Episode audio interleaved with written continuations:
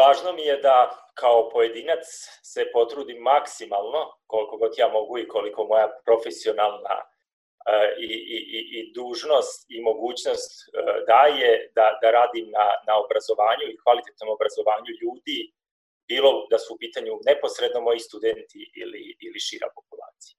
Slušamo profesora telekomunikacija Dejana Vukobratovića koji predaje na Fakultetu tehničkih nauka u Novom Sadu. Glavni fokus mu je naučno-istraživački rad. Ja sam Aleksandra Bučko, a vi slušate podcast Urbani razgovori, u kom pričamo o 5G mreži, teorijama zavere, e, funkcionisanju 5G mreže i novostima koje će ova mreža uvesti. Kada se raširila pandemija virusa COVID-19, prvo su je ljudi povezali sa šišmišima i da je oni prenose. Ljudi su masovno počeli da istrebljuju ove životinje. Onda se pojavilo nešto što je takođe e, novo za e, građane, a to je 5G mreža ili peta generacija tehnologije za mobilne sisteme. Iako su pojedini mediji u Americi pisali o tome da će 5G mreža u krizi izazvano epidemijom virusa COVID-19 moći da doživi procvat, desilo se suprotno. Ljudi su te dve nove stvari povezali te su došli do zaključka da 5G mreža donosi širenju virusa korona, da će nam sa vakcinom protiv e, ovog virusa biti ubrizgani čipovi, da će putem 5G mreže i kompjutera koji se zove Zver, određena elita moći da upravlja sa ljudima preko tih čipova.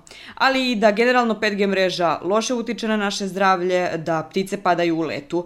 E, to je e, u jednom momentu izazvalo veliku paniku među ljudima, a, a u Britaniji su u aprilu zapaljene desetine predajnika koje emituju 5G mrežu.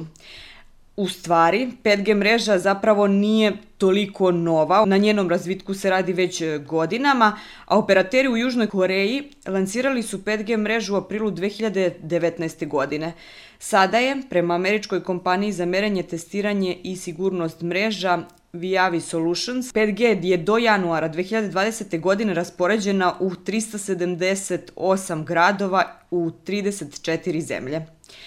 Da li e, u pokretanju svih ovih teorija oko 5G mreže e, stoji samo ljudsko neznanje ili tu imamo i ekonomsku stranu? Da, to je dobro pitanje. Zapravo, e, e, ajde kažem, i za prethodne generacije mobilne telefonije i za generalno sve nove tehnologije, uvek postoji ta neka, e, ajde kažemo, neko zaziranje od strane široke populacije, da li će ta tehnologija nama doneti nešto dobro ili će nam doneti nešto loše, na koji način možemo da iskoristimo, na koji način možemo da budemo i zaštićeni od nje. I činjenica je da se svet u zadnjih, pa ajde da kažemo možda 50 godina od drugog svetskog rata u tom nekom tehnološkom smislu izuzetno brzo razvija i da taj razvitak postaje sve brži i brži, da mi to zapravo, mislim, nešto što je nekad bilo period od 50 godina razvoja između nekih velikih tehnologija, danas je postalo 5 godina. Tako da, e, prirodno je da mi kao čovečanstvo na neki način moramo da se adaptiramo na takvu, takvu brzinu promena svega. I onda je normalno i prirodno da, da ovaj, na neke stvari reagujemo možda malo iracionalno i, i, i tako dalje. Ako postavimo konkretno ovaj slučaj 5G-a, ja mislim da nekom racionalnom čoveku je vrlo lako da možda 90% tih stvari odbaci odmah i da kaže ovo stvarno zvuči glupo, mislim, e, teško mi da poverujem u ovo. Ali negde u nekih 10% stvari zaista postoji razlog da mi razmišljamo o nekim efektima masovnog postavljanja emitera elektromagnetnog zračenja svog. I to uopšte nisu glupa pitanja. Znači, ja bih sad odmah samo na početku rekao, e, nije svako pitanje predmet neke vrste teorije zavere. Ja bih odmah razdvojio sad na početku pitanja koja imaju smisla i pitanja koja potpuno nemaju smisla. E, ja mislim da za tu validnu temu, a to je zapravo do koje mere mi treba da balansiramo e, e, izloženost ljudi na određenim delovima elektromagnetnog spektra i do koje mere je to apsolutno bezbedno, za takvu racionalnu temu ove sve ostale teme zapravo prave šum i, i, i, i smetaju. I onda zapravo davanje prevelikog značaja tim vrstama teorije zavere istovremeno nas ometa da se koncentrišemo na prava pitanja. Pojedini su čak pričali o tome da je e, do e, cele te priče oko štetnosti 5G mreže došlo upravo e, zbog rata između Huawei-a i Amerike. Da li i to možda potpada pod te teorije zavere ili tu ima istina? Da, Pa e, ajde, ako je, ako je to ta vrsta rata na nivou široke populacije, to, mislim, ja to mogu da prihvatim i to ima nekog smisla. E, ja samo mogu da odem na nivo e, tehničkog, da kažem, e, ove vrlo relativno uske, nije to ni vrlo uska grupa ljudi koja se bavi razvojem tehnologije i 5G-a, gde, ajde kažem, tu postoji industrija koja to razvija i pravi, postoji standardizacija u kojoj su oni svi uključeni i to je to standardizacijono telo koje se zove 3GPP, koje na kraju svakih određeni period izbaci novi set standarda.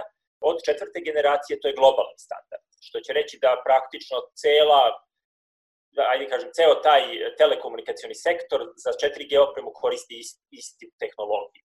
I za 5G isto to tako bilo potpuno identično i sad e, postoje da kažem, glasine i u našoj zajednici da postoji opasnost da se fragmentira 3GPP, odnosno da to više ne bude globalni standard u sledećoj generaciji. Što vam opet govori da tu zaista na tom nivou najrazvijenijih nacija koje najviše ulažu i najviše profitiraju od toga, postoji neki problem. I mi to ne vidimo samo u telekomunikacijama, mi to vidimo u drugim oblastima, da očigledno između ova dva najveća svetska giganta sad postoji problem u smislu u smislu toga kako da oni zaštite svoje tržište i kako da oni zauzimaju druga tržišta. I ja mislim da se to reflektuje telekomunikacija. Mislim, ja sad ne bih da ulazimo u detalje, stvarno, mislim, teško je procenjivati, ali ako vidimo u perspektivi da 6G prestane da bude globalni standard, već da bude opet razdvojen, kao što je bio u drugoj i trećoj generaciji donekle razdvojen na, na neku vrstu regionalnih standarda, to će biti dobar znak da neko pokušava da zaštiti svoje tržište od nekog drugog. Ako, mislim, što, što opet kaže možda se desi. Inače, nažalost, postoji jedan termin na zapadu koji se koristi za takve stvari e, i nažalost mi ovde smo e, izvor takvog termina, e, to se zove balkanizacija tehnologije. Verovali ili ne, ljudi u takvim, često u takvim tekstovima kažu da ne treba da idemo u balkanizaciju, na primer 5G, znaj, otprilike znajući da se, da se radi fragmentacija, i da recimo regije, da Evropa izlazi svojim standardom, da, da, da, da Azija bude imala svoj standard i tako dalje, jer će to biti štetno za ceo, celu, celu tehnologiju. Praktično vi kad budete putovali ili će vaš uređaj morati imati više čipova za različite vrste tehnologije kao što su nekad. Ljudi prosto ne znaju šta je 5G u smislu, e, znaju možda da je to e, imaćemo brži internet. Znači, većini se to verovatno tako zove. Hajde da pojasnimo šta je onda e, prosto taj 5G? Šta, šta to podrazuma? Da. da. Pa to je tačno, dakle, e, većina ljudi koja to veće sa bržim internetom obično kaže pa meni ne treba bolje od ovog što imam trenutno na 4G-u. E, I to je u dobroj meri čak i tačno, jer većina aplikacija koje mi danas koristimo zaista 4G u suštini je dovoljan. Ono što ljudi možda ne vide je da sigurno će biti aplikacija gde će to biti potrebno, tako da ako meni ne treba, ok, možda nekom drugom treba. I 5G će za takve stvari čak imati posebnu vrstu baznih stanica koje će biti mnogo lokalnije.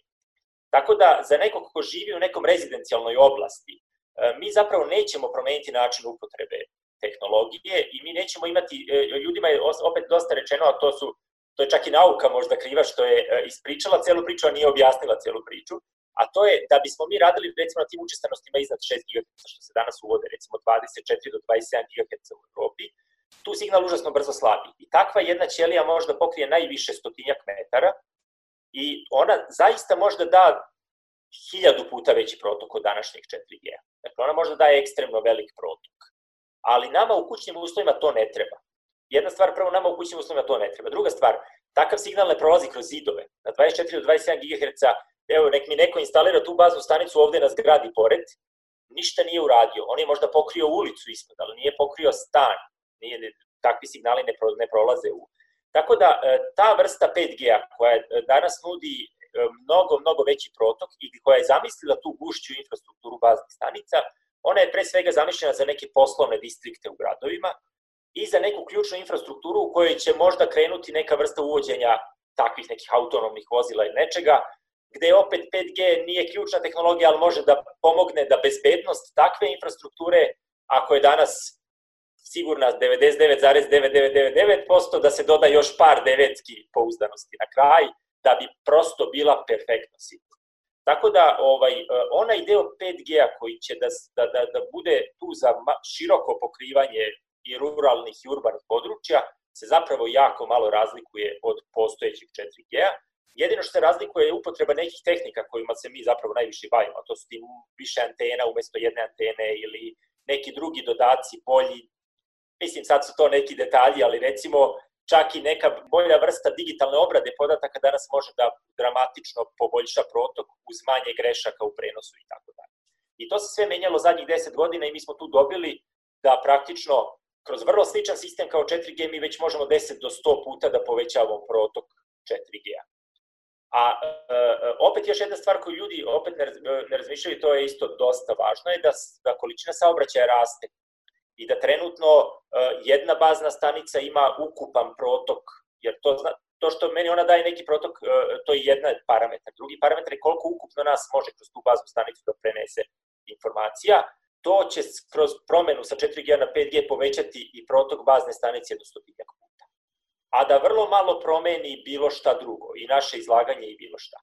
Inače, da se vratim na, na tu celu priču oko, oko tih tehnologija, u suštini 2G koju mi dalje koristimo je trenutno najmanje efikasna u smislu emisije i uh, mi svi imamo ovde i 2G i 3G i 4G pokrivenost u, u gradovima i nas uh, u tom nekom budžetu izloženosti elektromagnetnom zračenju nas najviše opterećuje 2G.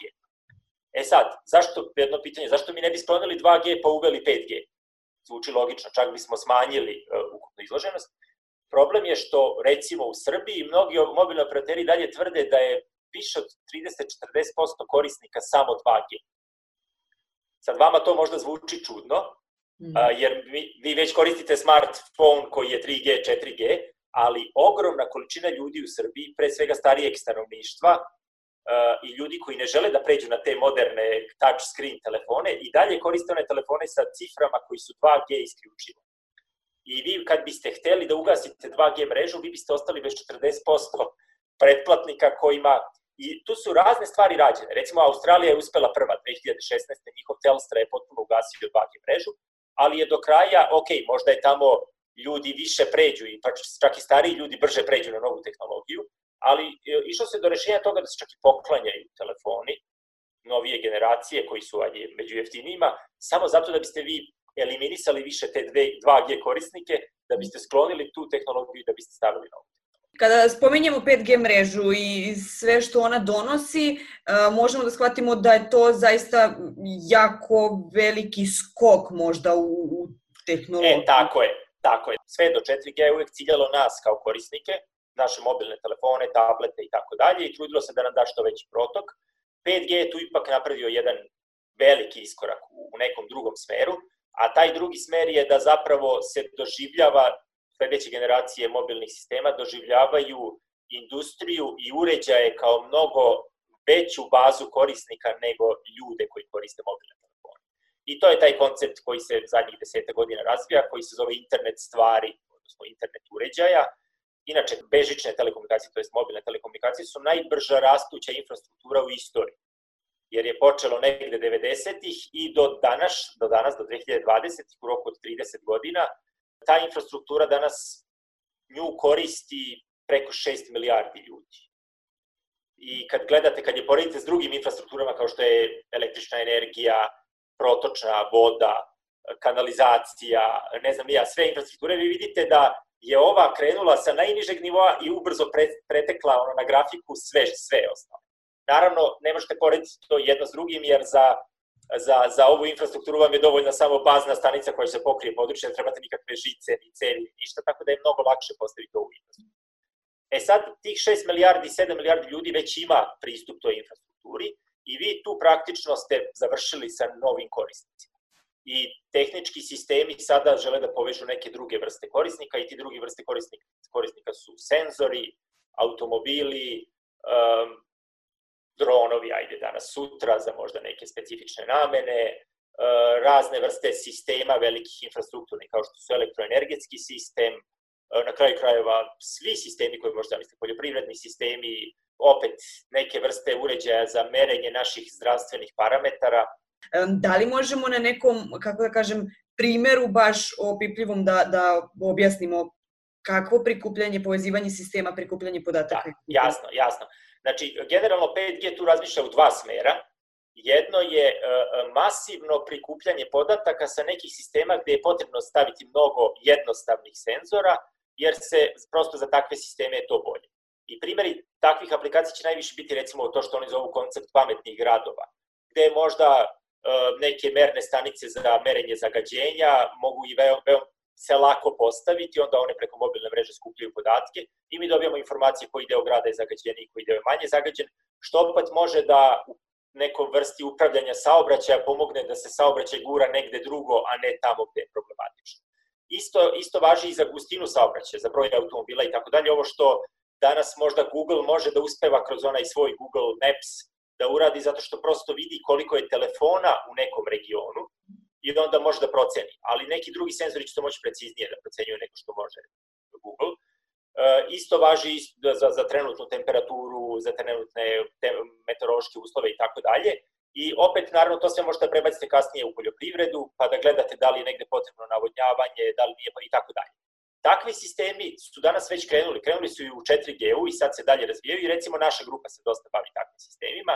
U 4G-u je standardizovano nešto što se zove Narrow Band IoT, što je zapravo vrlo jednostavan servis, gde vi vaš uređaj koji je košta desetak evra ako ima neke jednostavne senzore, dodate mu SIM karticu za tu i tu mrežu i on praktično se poveže na baznu stanicu i šalje podatke i takvih po jednoj baznoj stanici možete da povežete 50.000.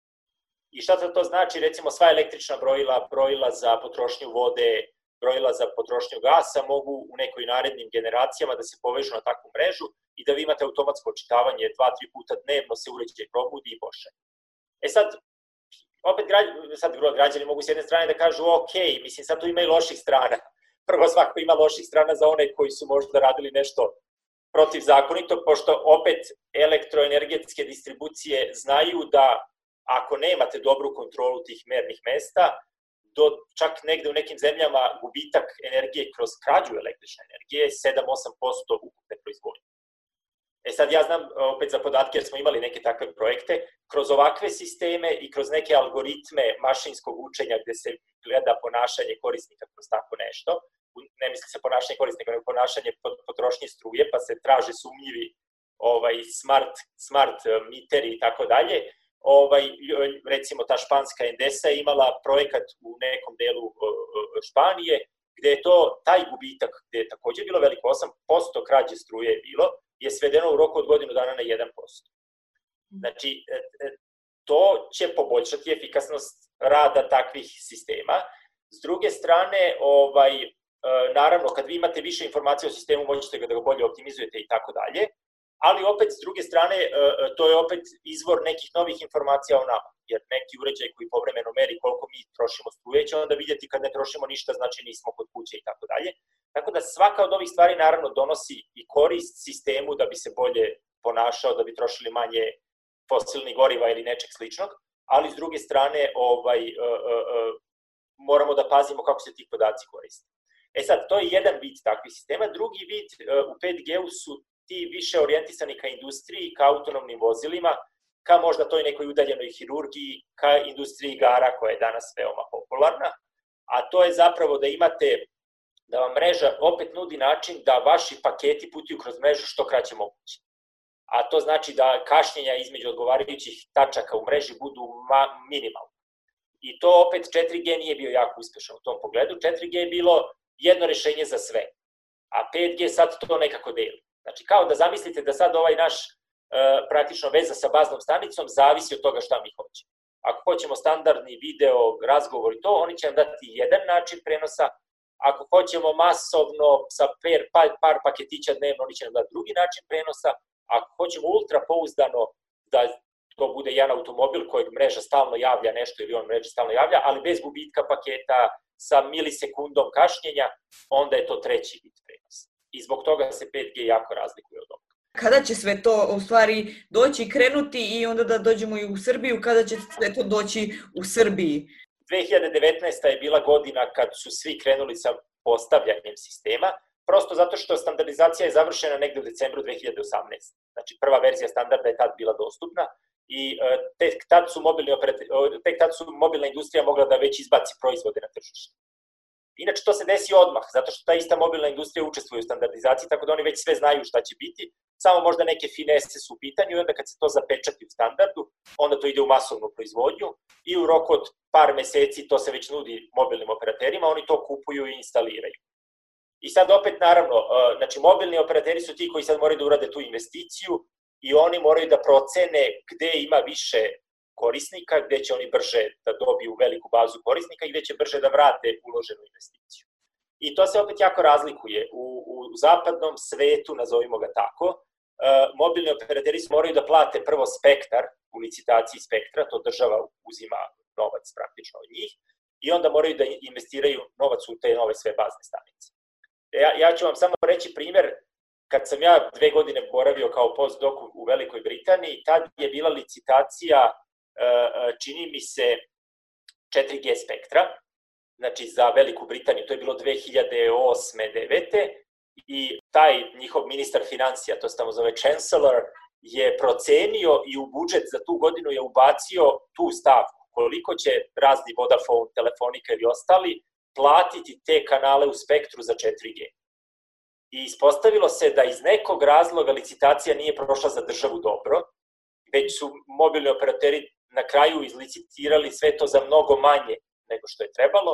I onaj ceo kreditni rating Britanije za tu godinu je pao sa nekog A++ na neki A+, sad izmišljam, ali prosto jedna ogromna stavka u budžetu jedne ogromne države kao što je Velika Britanija je e, e, dramatično bila lošija nego što je trebala biti. Jer, znači, prosto govorimo samo o količini investicija koji mobilni operator mora da uloži, uloži samo da bi zakupio spektrum one države koje svoju ekonomiju zasnivaju na, na modernim tehnologijama, one su to već rade. I Nemačka, Velika Britanija, Francuska već imaju, da kažem, u ponudi 5G i vi možete otići u radnju mobilnog operatera i uzeti 5G pretplatu, kupiti 5G telefon. Dakle, to sve potpuno normalno funkcioniše u tim državama. Neke države idu sporije prosto zato što mobilni operateri još uvek čekaju da vrate investiciju u prethodnu generaciju da bi mogli da pokrenu sledeću generaciju. Kod nas e, prvi korak, to je, mislim, potpuno jasno, prvi korak treba Agencija za telekomunikacije, to je Stratel, da raspiše licitaciju spektra za 5. Bar za početak u ovim obsezima e, za veliko pokrivanje ruralnih delova, to je oko 700 MHz, i za urbano pokrivanje to je 3,6 do 3,8 GHz. I to su vrlo slične frekvencije na kojima radi 4G i ja mislim da će to biti u početku. Da li će se u Srbiji ikad ići na one 20 GHz i više, pitanje je potreba. Tako da, u tom smislu, e, mi taj 5G nećemo videti, taj, da kažem, taj zbog koji možda izaziva neko zabrinutost zato što radi u nekom novom opsegu frekvencija koji do sad nikad nije bio korišćen, e, taj, tu vrstu postavki baznih stanica, ja mislim da u Srbiji ne, mora, ne možemo očekivati sigurno 5 godina. A e, kad smo kod, kod e, svih tih primjena, a koja industrija će imati najvećeg benefita sa uvođenjem, evo, za sada 5G mreže? Da, pa kad gledate, uh, ajde kažemo ovi rezine, mislim mi kao obični korisnici, uh, to naravno, to je uvek bila najveća profit baza za mobilne operatere. I oni će i dalje gledati da kroz ugovore sa nama i naše pretplate zarade i otplate tu tehnologiju. Uh, ovaj drugi eko, deo ekosistema koji su ti mini senzori koji mere sve i svašta, to će mobilni operateri pokušati da rade u saradnji sa recimo gradskim upravama. I to će biti ti smart city projekti gde možda grad može da uštedi ogromne pare na nečemu, a moraće opet da plati nešto mobilnom operateru da bi to sve funkcionisalo. Sad da ne idemo, ima stvarno jako puno primjera i realno mogućnosti za uštedu su ogromne, ali uh, onaj ko ima interes da uštedi su recimo neke gradske javne uprave da poboljšaju efikasnost s raznih sistema u gradovima, počeo od energetskog, dotoka vode, toplog grejanja i tako dalje, gde vi kad instalirate takav sistem u toj skali, odjednom povećate efikasnost vašeg sistema 30-40%, napravite ogromnu uštedu i onda iz te uštede, naravno, platite to što treba mobilnom operateru, ali vi ste i dalje u velikom profitu. Međutim, najviše ko gura taj 5G je zapravo industrija. Pod industrijom mislim, ajde kažemo, Nemačku ili zemlje koje imaju jaku industriju, koji žele svoju, svoje fabrike da neki način da automatizuju još više, da ih povećaju efikasnost proizvodnje, da povećaju pouzdanost proizvodnje i tako dalje. I tu se onda model promenio, evo i to je zanimljivo, to je tako i u, u svim zemljama sveta zadnjih 4-5 godina kako se razvijao taj ultra pouzdani 5G za industrijske primene, tako su uh, svi ti industrijski igrači uh, imali svoj stav pa su ga menjali i tako dalje. Prvi stav koji je bio je mi nećemo našu mrežu, pošto oni svi imaju svoje interne mreže koje koriste u fabrikama, mi nećemo to ide preko mobilnog operatera. Mi prosto nemamo poverenja u mobilnog ili iz bilo kog drugog razloga ne želim da moja fabrika bude preko mreže mobilnog operatera povezana u bilo šta. Znači, mi to hoćemo samo ako mi napravimo 5G mrežu kod nas na fabričkom delu, stavimo 2, 3, 5 baznih stanica i mi imamo svoje pokrivanje. Međutim, model upotrebe mobilnih telekomunikacija je takav da spektar kupuju samo oni koji imaju užasno mnogo para za spektar, poput mobilnih operatera, i onda ga koriste na celoj državi. I sad se to promenilo. Nemačka je prva koja je to promenila prošle godine, baš zbog interesa, sad da ne navodim te kompanije, ali tipa Bosch, Siemens, na kraju kraja Mercedes, Audi i svi ostali, koji hoće na svojim fabričkim prostorima da, da instaliraju 5G mrežu, oni to više ne rade s mobilnim operaterima, već je država odvojila deo spektra koji će moći da se zakupljuje, da vi kažete, hoću taj frekvencijski kanal, ali samo na ovom prostoru geografskom. I onda više ne platite, ne znam, nija 2 milijarde evra za celu Nemačku, nego platite čak i na nivou 2-3 hiljade evra za neki 10.000 ne znam ja, kvadratnih metara ili par kvadratnih kilometara ovaj, prostora gde je vaša fabrika. I vi onda dobijete pravo da u tom delu spektra stvarno postavite opremu koja će da radi i vi imate kao, neku, kao da imate svoju Wi-Fi, ali je ovo 5G mreža u vašim fabričkim prostorima i ona sve radi. I to opet ima veliki uticaj i na ostatak, eh, da kažemo, ovog našeg 5G eh, ekosistema, jer do sad tradicionalno vi kupujete opremu od velikih igrača, od Huawei-a, Nokia, Ericssona ili sličnih, a sad ulaze jako puno manjih igrača koji proizvode opremu baš za te industrijske potrošače. Šta nas dalje očekuje? Da li postoje već indikacije neke što pokazuju kuda će dalje da teče razvoj? Da, sad to je možda pitanje kad mi razmišljamo šta će biti 6G, šta će biti tu nove aplikacije. Mislim da, da ćemo mi kao krajnji korisnici imati sve manji i manji uvid u upotrebu nove generacije mobilnih telekomunikacija, prosto će biće više namenjene industriji i nekim, ajde kažemo, uređajima nego što će biti namenjene čoveku. Što se tiče čoveka, ja sam stvarno ne znam, ja nikad nisam bio previše entuzijasta za te tehnologije, ali ta neka virtualne kacige i virtualna realnost, neki to vide kao neku, neku vrstu aplikacije. Jedan deo će biti gaming, u to ne sumnjam, jer mi vidimo da te video igre zaista su jedan ogroman biznis i to je teško prosto poreći da ali jedan deo je može da bude koristan da vi radite neke poslove udaljeno sa time.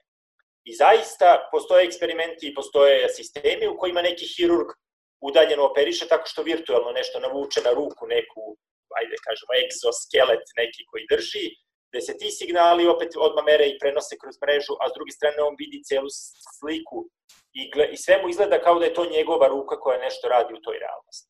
S druge strane, opet, naravno, mi mnogo pričamo o tim autonomnim vozilima i to zaista jeste jedna velika, velika promena za budućnost i e, tehnologija je tu i bez telekomunikacija je tu, dakle ti automobili opremljeni svim tim senzorima zaista rade i voze i e, zaista su u stanju da urade bar gradski transport, možda ne međugradski transport, mnogo efikasniji.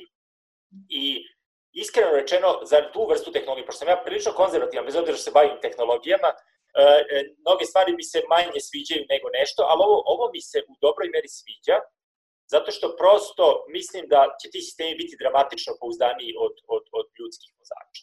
Ja iskreno čeno bih voleo da, da moja deca ni ne polažu vozački, da njih za 10 godina, da li će to u Novom Sadu, da li ćemo mi stići do tog nivoa da imamo tu vrstu potrebe, da oni idu autonomnim vozilima gde treba i da to budu ta deljena električna autonomna vozila. E, mnogi kažu da će ti automobili zapravo biti naši budući mobilni telefoni.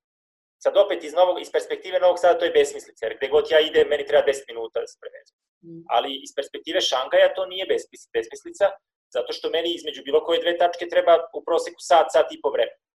Znači, na nivou Sjedinjenih američkih država, broj sati kumulativan, godišnji, koji ljudi koji su zaposleni provedu sedeći za svojim volanima automobila u onim gužvama na početku radnog dana i gužvama na kraju radnog dana, to su trilioni da li radnih sati ako ćete raditi ili sati odmaranja i boravka s vašom porodicom koji nećete raditi.